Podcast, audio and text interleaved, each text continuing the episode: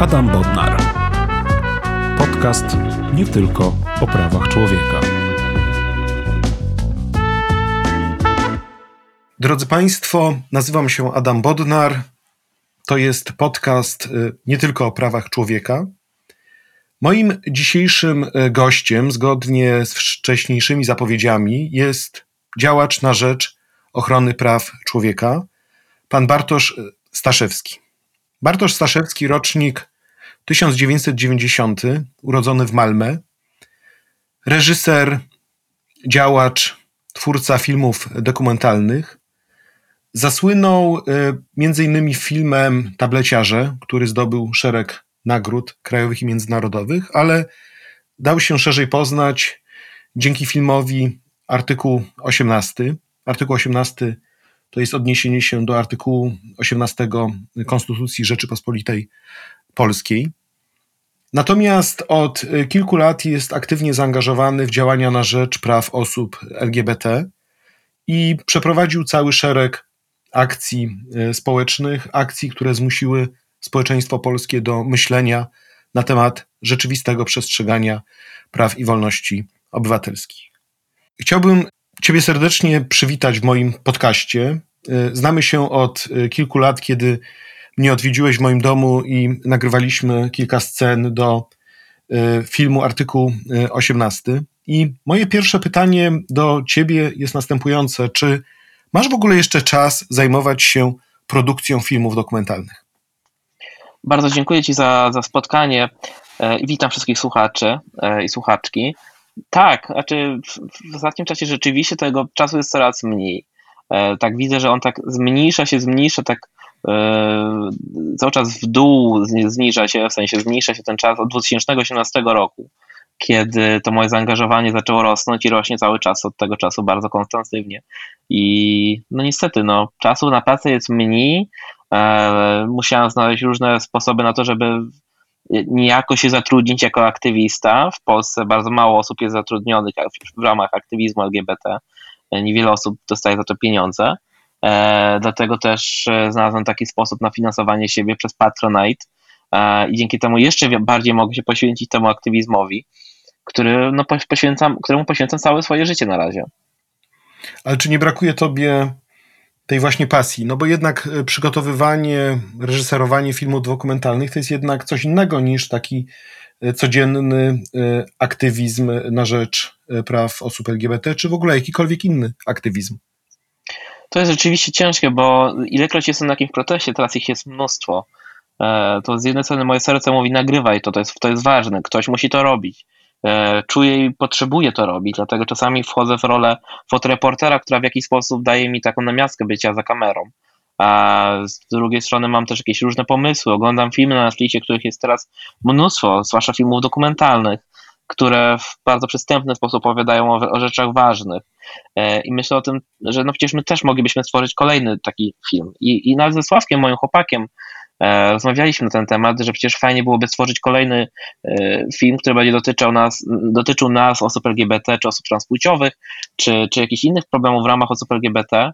E, no ale to jest mniej więcej rok do dwóch pracy nad takim filmem. Rok nagrań, drugi rok postprodukcji. W tym czasie byłbym wyłączony z aktywizmu i teraz niestety muszę na szali postawić, czy, mój, czy moje zaangażowanie jest bardziej istotne niż no, realizowanie swoich pasji, czegoś, co mnie w życiu przez długi czas napędzało. No, plus też to, że sytuacja nie daje mi odpocząć, bo przecież te liczne sprawy sądowe, to ciąganie po sądach, no, uniemożliwia mi takie to, totalnie normalnie, normalne egzystowanie.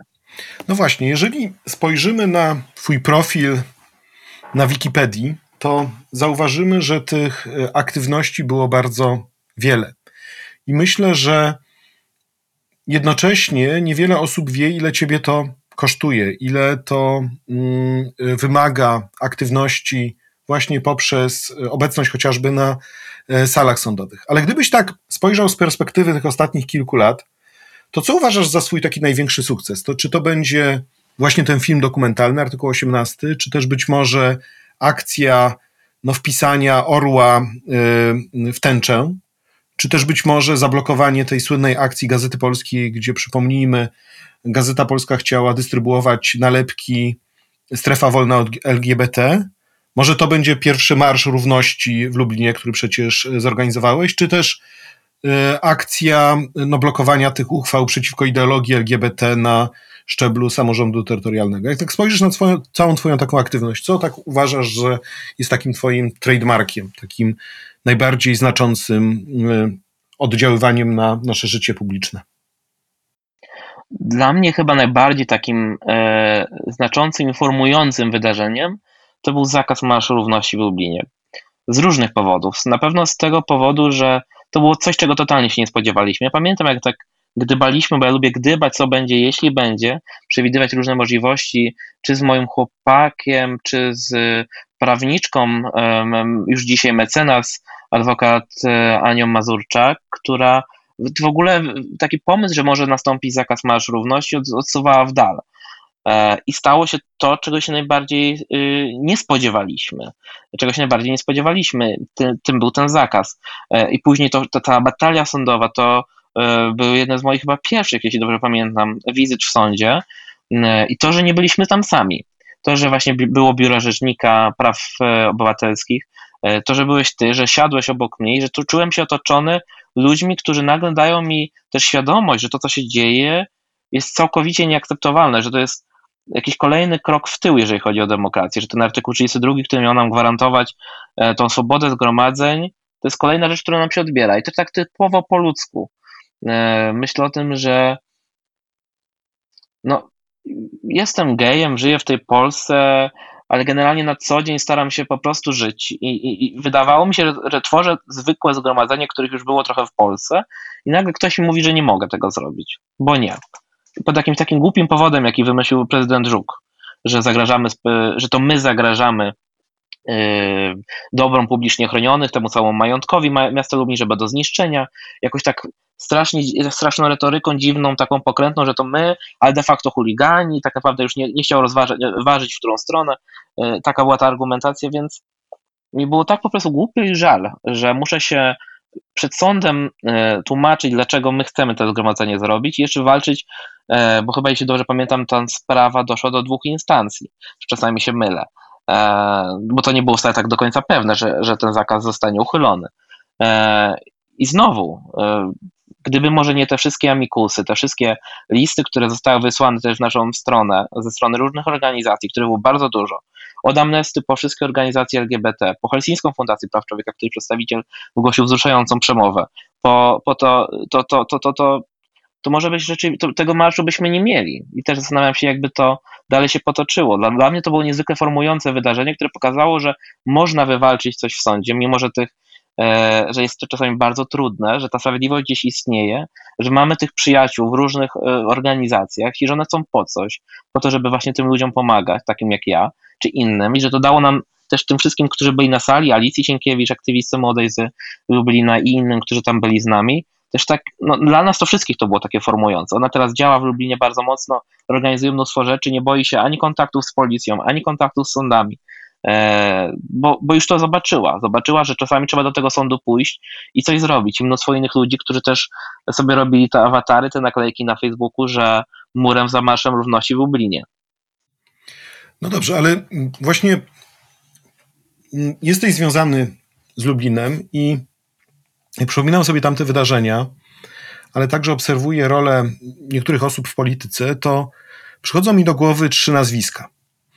E, pierwsze takie nazwisko bardziej lokalne, e, radny mm, z Prawa i Sprawiedliwości Tomasz Pitucha, który no, miał dość mocne homofobiczne e, stwierdzenia i zresztą to się skończyło procesem sądowym z twojego powództwa.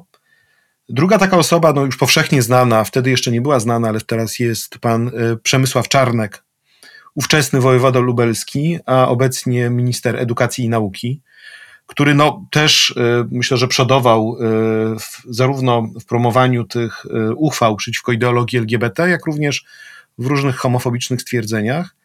I wreszcie mamy jeszcze pana prezydenta Krzysztofa Żuka, prezydenta Lublina, powołanego z poparciem Platformy Obywatelskiej. Jakbyś spojrzał na te trzy postacie, to tak naprawdę to kto ma taki największy wpływ na twoje życie?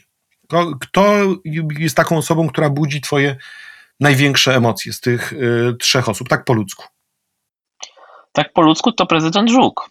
Tak mi się wydaje, że z nim miałem największy taki bagaż doświadczeń, którego się nigdy nie spodziewałem, że dostanę.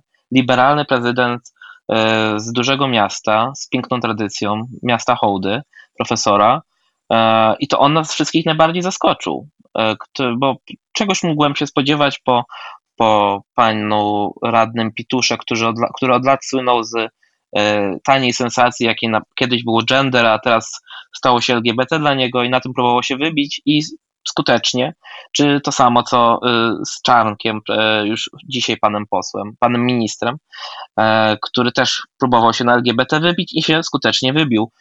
Pamiętam, te, te postacie na pewno, znaczy innym traumatycznym przeżyciem było siedzenie na prawach sądowych w które dotyczyły zwłaszcza radnego Pitucha, pituchy, które, które powodowały, że musiałem się tłumaczyć, że nie jestem pedofilem. Musiałem znajdować naukowe e, jakieś prace, które jak najbardziej potępiały tego typu porównania, przywoływać stanowiska Polskiego Towarzystwa Seksuologicznego. E, no może pierwsze rozprawy wyglądały tak, że byłem przekonany, że jakoś przyjdziemy przez to, ale przy, kolejnych, przy kolejnym powoływaniu świat, świadków, e, którzy mieli udowodnić tezę, którą lobował pan radny z PiSu, że jakieś tam są jednak połączenia pomiędzy byciem osobą LGBT a byciem pedofilem, ja wracałem do domu, jakby mnie jakiś, nie wiem, czołg przejechał, no bo musiałem nagle tłumaczyć się z tego, że nie jestem nikim złym, że, że przecież nie ma w tym złego nic, że jestem gejem, tak? No mimo tego, że pan Pitucha przedstawia olbrzymie kegi takie dokumentów e, eksperckich z różnych ekspertów z południowych Stanów Zjednoczonych i właściwie kilku i, i jakichś dziwnych artykułów, które miały tą tezę udowodnić. Na początku wydawało mi się śmiesznie, bo pan Pitucha był czasami śmieszny w tym, co mówił ze swoich stanowiskach, później zaczęło się robić strasznie i, i zostawiło to we mnie w jakiś taki nieprzyjemny ślad, że to niestety znowu pewnie będzie miało miejsce przy kolejnych procesach sądowych, że będą się, się tłumaczyć z pewnych oczywistych rzeczy. Ale to rzeczywiście pan prezydent Żuk jest tą osobą, która e, najbardziej mnie zaskoczyła, najbardziej E, znaczy ja byłem przekonany, że po zakazie, po zakazie z Marszem Równości w Lublinie media się na niego rzucą. Znaczy, że no, tak mi się wydawało, że to będzie sprawiedliwie. No, nie może być tak, że ktoś łamie polską konstytucję i, i że nikt o tym nie powie. Okazuje się, że nic się nie stało, a później on został wybrany ponownie na prezydenta miasta Lublina. To też strasznie ubodło mnie i zawiodło, bo sądziłem, że w jakiś sposób wyborcy chociażby jakoś konsekwencje wyciągną wobec niego. E, no ale niestety tak się nie stało. Później e, po Marszu Równości w Lublinie, który się e, odbył, odbył się i za pierwszym razem, i za drugim razem, aczkolwiek oczywiście było sporo przemocy. Ja pamiętam taką scenę, jedno, jedno zdjęcie, tak zwane lewitujące krzesło, to znaczy ktoś, jakiś fotograf uchwycił, jak środowiska kontrmanifestantów rzucają takim krzesłem ogrodowym, chyba wyjętym z jakiegoś ogródka przyrestauracyjnego i to krzesło tak leci w kierunku E, demonstrantów i właśnie tak zostało w powietrzu e, uchwycone. Wstrząsające zdjęcie. Później mieliśmy wydarzenia też e, bardzo takie poważne w Białymstoku i ten słynny reportaż Jacka Denela, no i wiele osób, które też zostały wtedy pokrzywdzone. Mieliśmy kilka innych zakazów, ale szczęśliwie sądy te zakazy uchylały. E, natomiast no, prezydenci miast zachowywali się w sposób dość taki niejednolity, nawet ci prezydenci, którzy, e, którzy byli związani e, z Platformą Obywatelską. Natomiast ja bym chciał przejść do kwestii, która no, dzięki której myślę, że no, stałeś się na tyle sławny, że jesteś wymieniany prawie z imienia i nazwiska przez samego premiera Rzeczypospolitej. A mianowicie po tym, jak lokalne samorządy zaczęły przyjmować uchwały sprzeciwiające się tak zwanej ideologii LGBT, postanowiłeś zorganizować e, e, akcję. Moim zdaniem, od początku tak to odczytywałem, to był happening artystyczny, e, polegający na takim no, chwilowym instalowaniu tabliczek przy wjeździe do miasta o, z hasłem strefa wolna od LGBT. W trzech językach taka żółta tabliczka. Chciałbym się Ciebie spytać, do ilu miast udało Ci się i do ilu miejscowości udało Ci się dojechać? E, I także wiem, że częścią tego happeningu było poszukiwanie osób, które faktycznie są osobami LGBT mieszkającymi w tych poszczególnych miejscowościach. Czy udało Ci się za każdym razem takie osoby znaleźć, czy też to raczej była kwestia no już dużego szczęścia, żeby taką osobę gdzieś tam daleko w Polsce południowej czy wschodniej odnaleźć?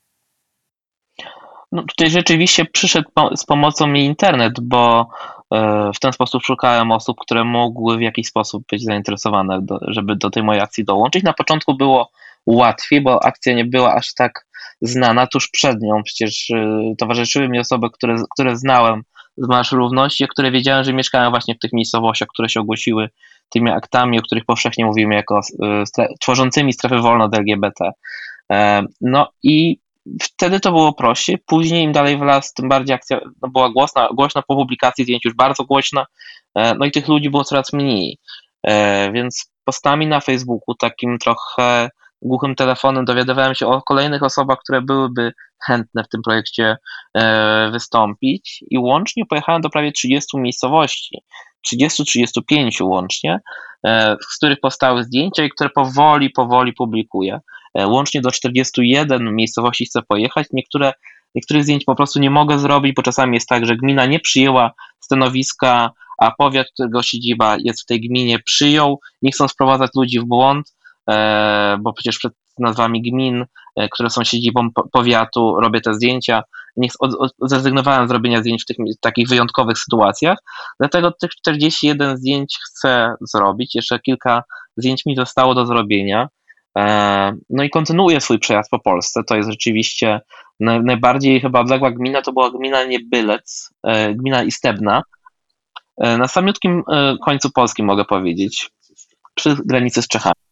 Okej, okay. i nawet tam została przyjęta uchwała przeciwko ideologii LGBT. No dobrze, ale te gminy, o ile wiem, nie odpuszczają i niektóre z nich twierdzą, że je zniesławiasz, że wprowadzasz w błąd ponieważ umieszczasz tabliczkę, przesyłasz zdjęcia do internetu, rozpowszechniasz je, a przecież te zdjęcia, oni twierdzą, wisiały tylko przez tam y, tabliczki przez 15 minut, w związku z czym nie można w ten sposób gminy zniesławiać. I jak rozumiem, jesteś, doczytałem, że jesteś pozwany przez gminę Zakrzówek oraz przez gminę Tuszów Narodowy. Czy to są jedyne pozwy, czy jeszcze jest więcej tych spraw?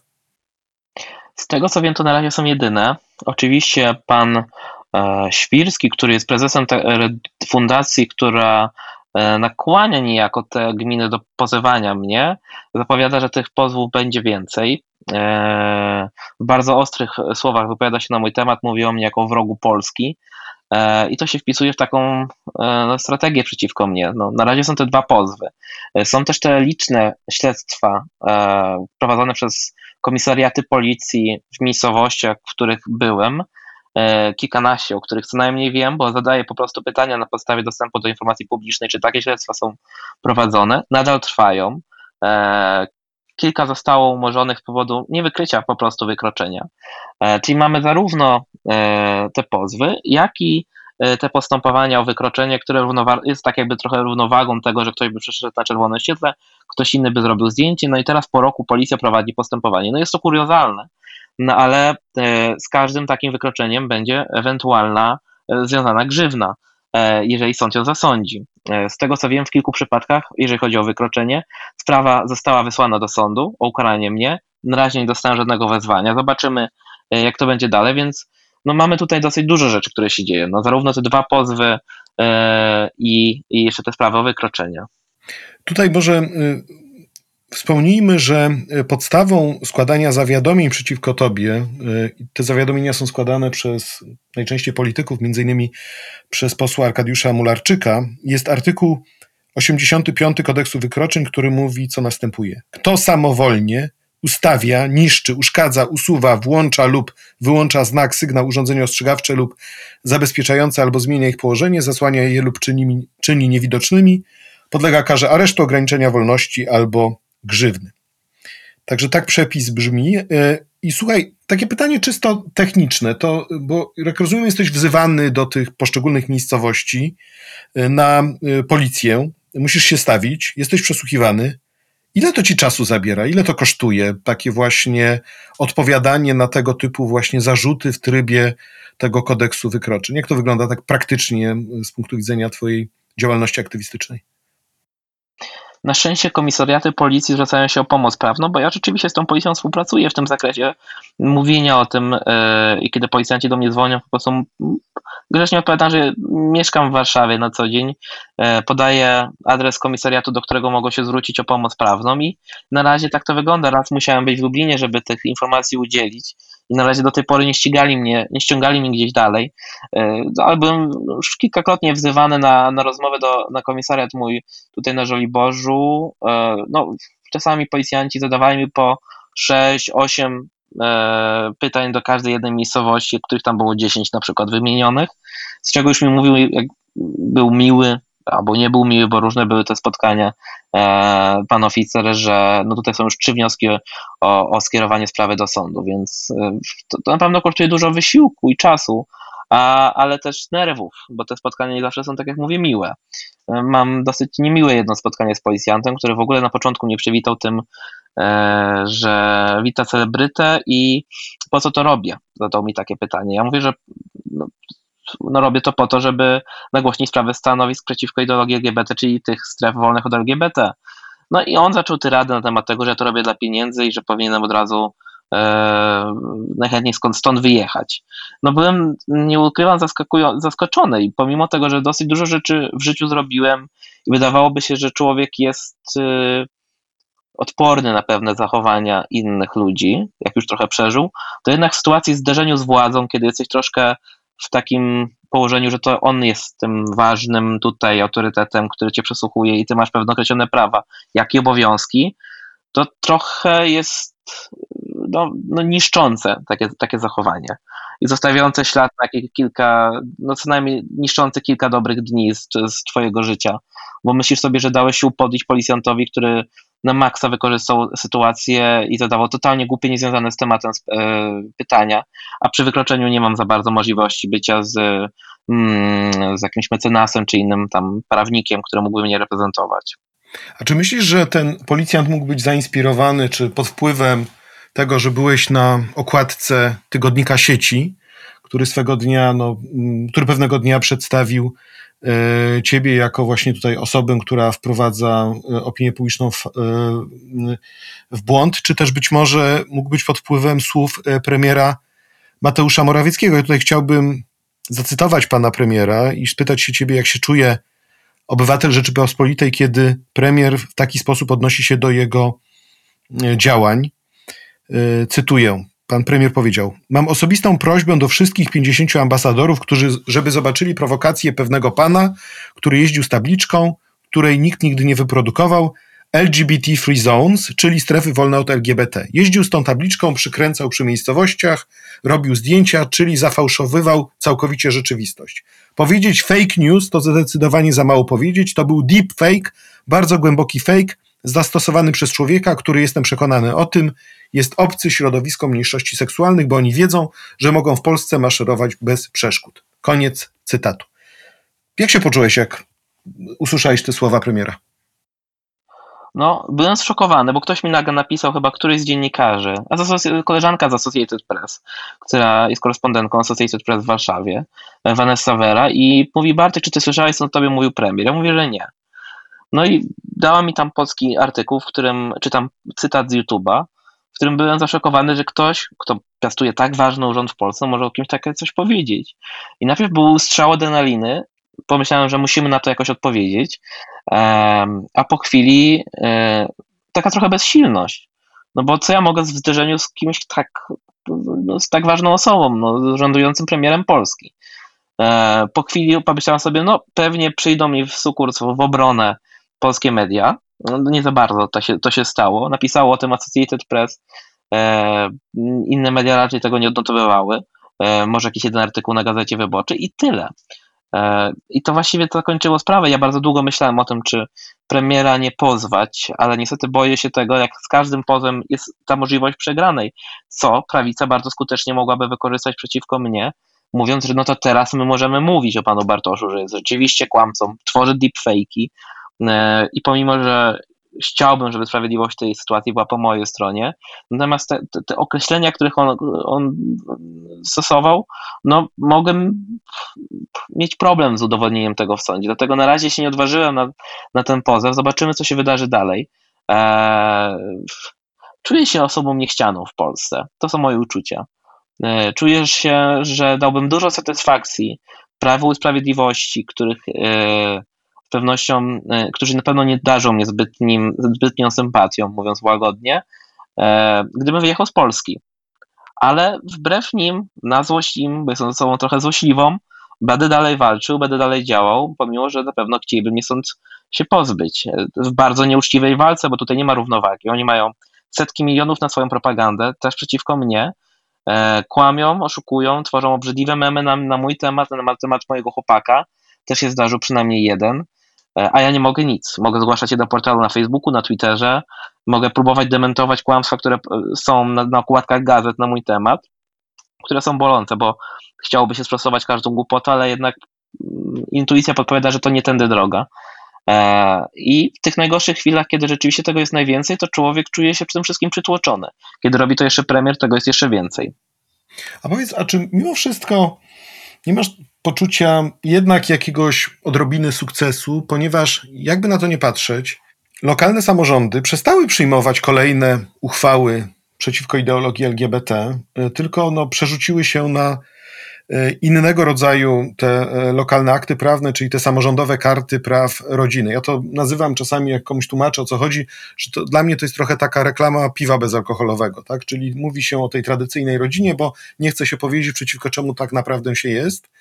E, ale jednocześnie jednak już te, tak e, otwartych uchwał e, przeciwko właśnie osobom LGBT nie ma. No, są one, oczywiście one się utrzymują w mocy tam, gdzie nie zostały prawnie zakwestionowane, natomiast kolejne samorządy nie dołączają do tej grupy tych kilkudziesięciu dotychczasowych lokalnych samorządów. Czy nie uważasz, że to jest jednak jakiś jednak sukces w kontekście tej twojej akcji społecznej i także zainteresowania międzynarodowego akcją. Tak, absolutnie. E, to jest ta e, odrobina pozytywnych rzeczy, które się dzieje e, w czasie, kiedy dzieje się tak dużo złych rzeczy.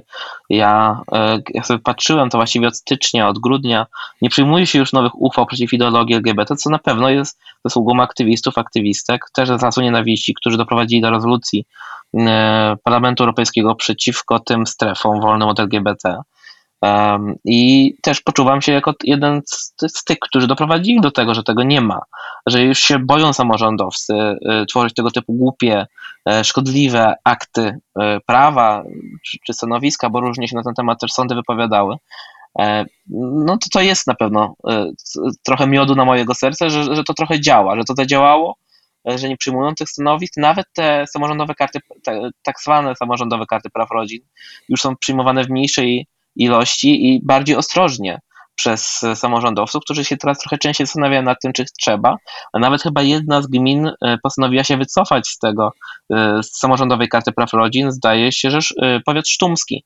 Więc to też kolejny sukces tego, że my staramy się na ile możemy z żadnymi budżetami w porównaniu z tymi organizacjami, które lobują za tymi aktami, na, nasz, na, na, na ramach naszych możliwości informować samorządowców, że to są złe uchwały że ich nie należy przyjmować, że są szkodliwe, że dzielą Polki i Polaków, mieszkańców tych gmin, że zamiast budować mosty, buduje się mury, e, wyeliminowuje się pewną część mieszkańców z tych gmin, z tego życia społecznego.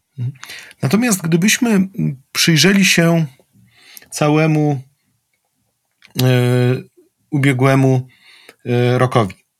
2020 rok to był rok wyborów prezydenckich, to był rok różnych zawirowań politycznych, to był rok pandemii, y, to był rok także, myślę, że no, szczególnego nagłośnienia tej twojej e, e, akcji.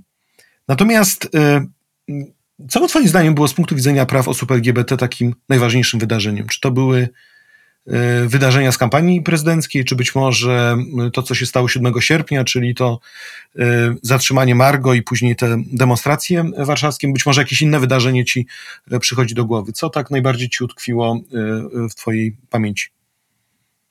Wydaje mi się, że na pewno na, w pierwszej kolejności wymieniłbym to, że prezydent wprost zaczął na, o nas mówić jako ideologii i poczułem się bardzo źle w własnym kraju, e, bo to zostało już powiedziane bardzo wprost. To było powiedzenie mówienie językiem Jędraszewskiego, arcybiskupa. Praktycznie tak to odbierałem. A w drugiej stronie, z dru drugim wydarzeniem, które uważałem za bardzo istotne, to jest Margot i jej zatrzymanie przez policję, gdzie przełamałem jakąś swoją wewnętrzną granicę i usiadłem przed radiowozem, uniemożliwiając odjazd mu, kiedy próbowano Margot zabrać. E, nie spodziewałem się tego, to było wszystko spontaniczne i ten i wielu z nas tam było i robiło właśnie to, bo co uważało, że jest odpowiednim momentem na tego typu reakcje, że no pasarana, ani kroku dalej.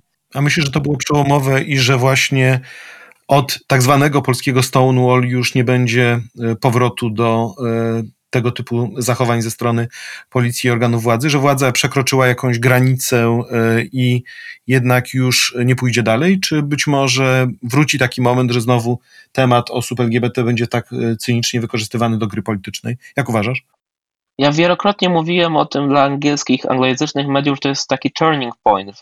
Nie wiem, jak to do po, po polsku powiedzieć. Taki moment przełomowy e, dla nas, Polaków i dla osób LGBT przede wszystkim, bo nagle się okazało, że Eee, tęcza obraża znowu, tęcza zawieszona na statuach obraża jest w ogóle czymś strasznym, że należy przewozić e, podejrzanych o popełnienie takiego okropnego przestępstwa e, przez wiele, wiele kilometrów z gór do Warszawy na przesłuchania w kajdankach.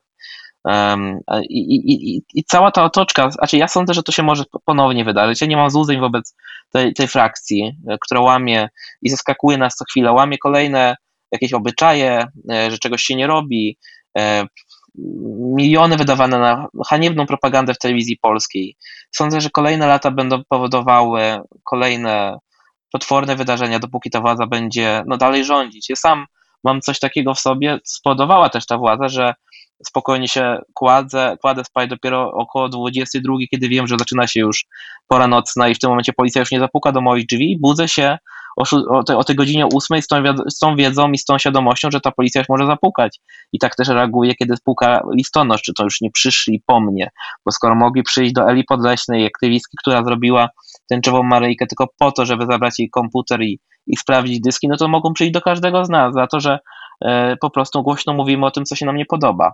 Więc takie coś zostawił mi obecnie rząd, e, takie zachowanie, taki, taki wewnętrzny instynkt, E, za to mogę być tylko bardzo wdzięczny nam rządzącym.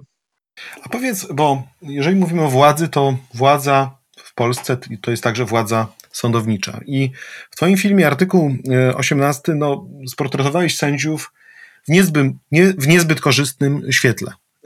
I też w wywiadach mówiłeś później, że ten Twój obraz wymiaru sprawiedliwości no, nie był nadzwyczaj korzystny. Co więcej, Y, y, rozmawiamy dokładnie w rocznicę y, zorganizowania Marsza Tysiąca Tuk i nawet przy okazji Marsza Tysiąca Tuk pojawiły się różne wątpliwości, czy powinna się tam pojawić flaga tęczowa, czy też nie. I niektórzy sędziowie mieli wątpliwości, bo jak rozumiem, nie chcieli mieszać symboliki. Ja wiem, że ty byłeś, ty utworzyłeś taki tęczowy blok w czasie Marsza Tysiąca Tuk. Ale jakby zostawiając te kwestie symboliczne z boku, czy uważasz, że jednak po tych e, latach, e, czyli e, w roku 2020, jednak postawa sędziów jest trochę inna niż była powiedzmy w 2015 czy 2013, jeżeli chodzi o prawa osób LGBT? Jak do tego podchodzisz?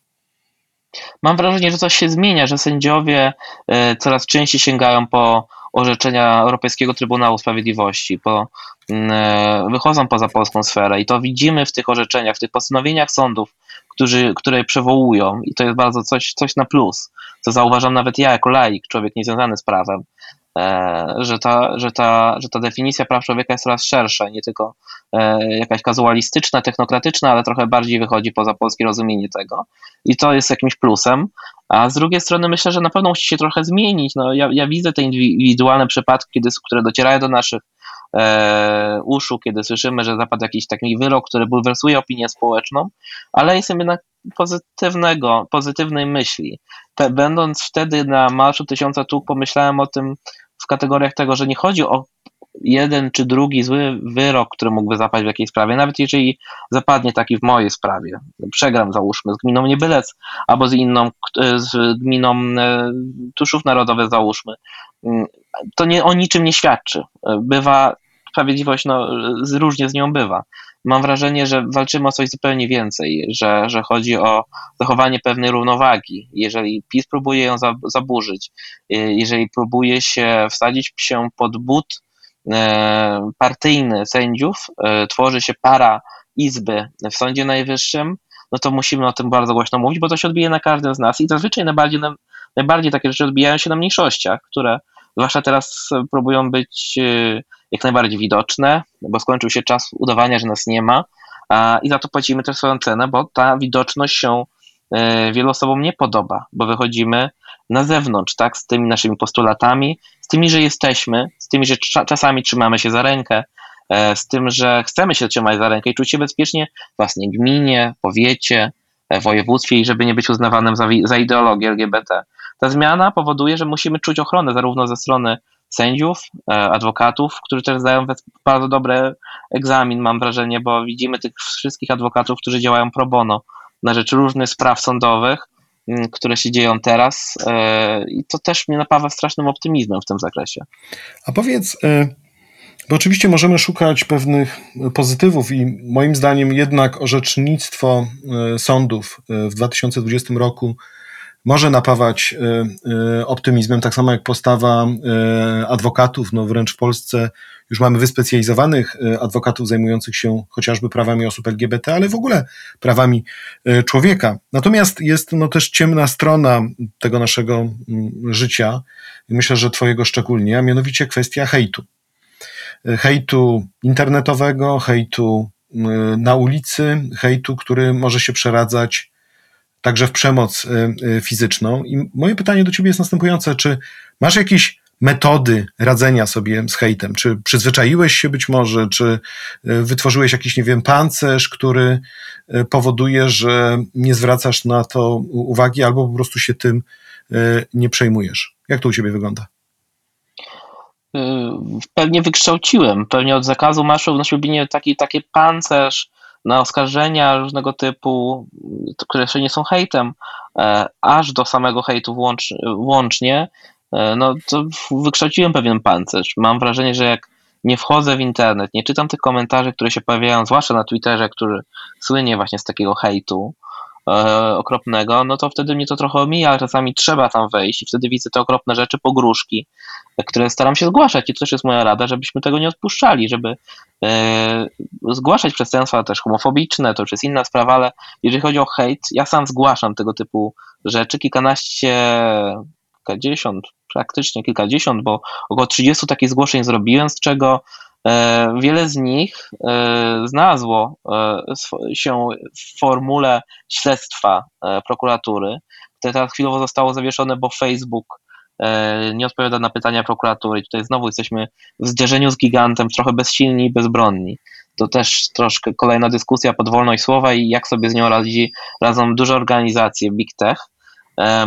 No, wydaje mi się, że nie ma jednej rady, bo każdy sobie radzi na swój sposób. Najlepiej może, żeby każdy zbadał swoją strefę komfortu i czy wychodzenie z niej w danym momencie no, ją no, tej osoby LGBT na pewno, e, czy nie przytłoczy. Bo teraz rzeczywiście aktem odwagi jest mówienie o sobie, że jest się gejem, że jest się zbiką, że jest się osobą niebinarną, po prostu osobą LGBT, e, publicznie, dawanie jakiegoś świadectwa, mówienie o tym, że coś komuś przydarzyło pod nazwiskiem, no to dzisiaj łączy się z olbrzymią falą hejtu, którą widzimy w komentarzach i nie każdy z pewnością jest na to gotowy. Dlatego jak ktoś mnie pyta, czy powinien coś nagłośnić, zwłaszcza jeżeli chodzi o, o, o dyskryminację osób LGBT pod nazwiskiem, to ja ostrzegam, że no, z pewnością powinno się to robić, ale zastanów się, czy jesteś na to gotowy, bo to na pewno będzie teraz zwłaszcza jeszcze więcej hejtu niż normalnie. A czy myślisz, że za 10 lat będziesz mógł swobodnie chodzić po ulicach Warszawy i trzymać twojego partnera za rękę? Jak myślisz? Będzie taka możliwość i nie będziesz się bał? Nie wiem, czy ja kiedykolwiek będę w stanie po tylu latach e, nie trzymania się za rękę, bo właściwie, tak jak mówiłem nieraz w wywiadach, e, że moment, w którym ja się mogę trzymać za rękę z moim chłopakiem publicznie, to jest moment, kiedy jestem z nim na Marszu Równości lub Paradzie Równości, kiedy otacza nas szwadron policjantów i wiem, że mogę co najwyżej dostać kamieniem w głowę, który przypadkiem nie trafi, niż e, trafić na grupę kiboli, która mnie zaatakuje. E, a, I to jest taki spontaniczny moment raz w roku. e, takie święto. A, a, a rzeczywiście takich więcej momentów nie ma, chyba że za granicę wyjedziemy, ale wtedy mi się szybko pocą ręce i, i, i rezygnuję z tego. Więc ja raczej jestem już z tego straconego pokolenia, które raczej już nie wykształci tego typu odruchu, e, ale sądzę, że to pomoże bardzo wielu innym ludziom i sądzę, że na pewno w ciągu najbliższych 10 lat nastąpi taka zmiana społeczna i będziemy jako aktywiści o to bardzo walczyć, żeby e, ci wszyscy młodzi ludzie, którzy będą, nie, nie zdecydują się na emigrację z Polski, którzy zdecydują się, żeby tutaj zostać, bo też nie mają takiej możliwości, może, e, to żeby czuli się w tej Polsce i bezpiecznie, i żeby po prostu mogli się trzymać za ręce. Tak mało, tak dużo, bo rzeczywiście teraz nie możemy musimy udawać czasami w taksówce, że czekamy na kolegę, czekamy na, na, na obcego nam człowieka, a nie na chłopaka, e, bo przecież każdy z nas się trochę boi, jak zareaguje druga osoba. I wchodzimy w taką trochę e, pułapkę. Tak mało, a tak dużo. Słuchaj, na koniec mam taką zagadkę. Przeczytam tobie fragment wypowiedzi jednej osoby i będziesz miał za zadanie odgadnąć, kim jest ta osoba. Pozwól, że, za, że zacytuję, jeżeli się zgodzisz na tego typu Jasne, zagadkę.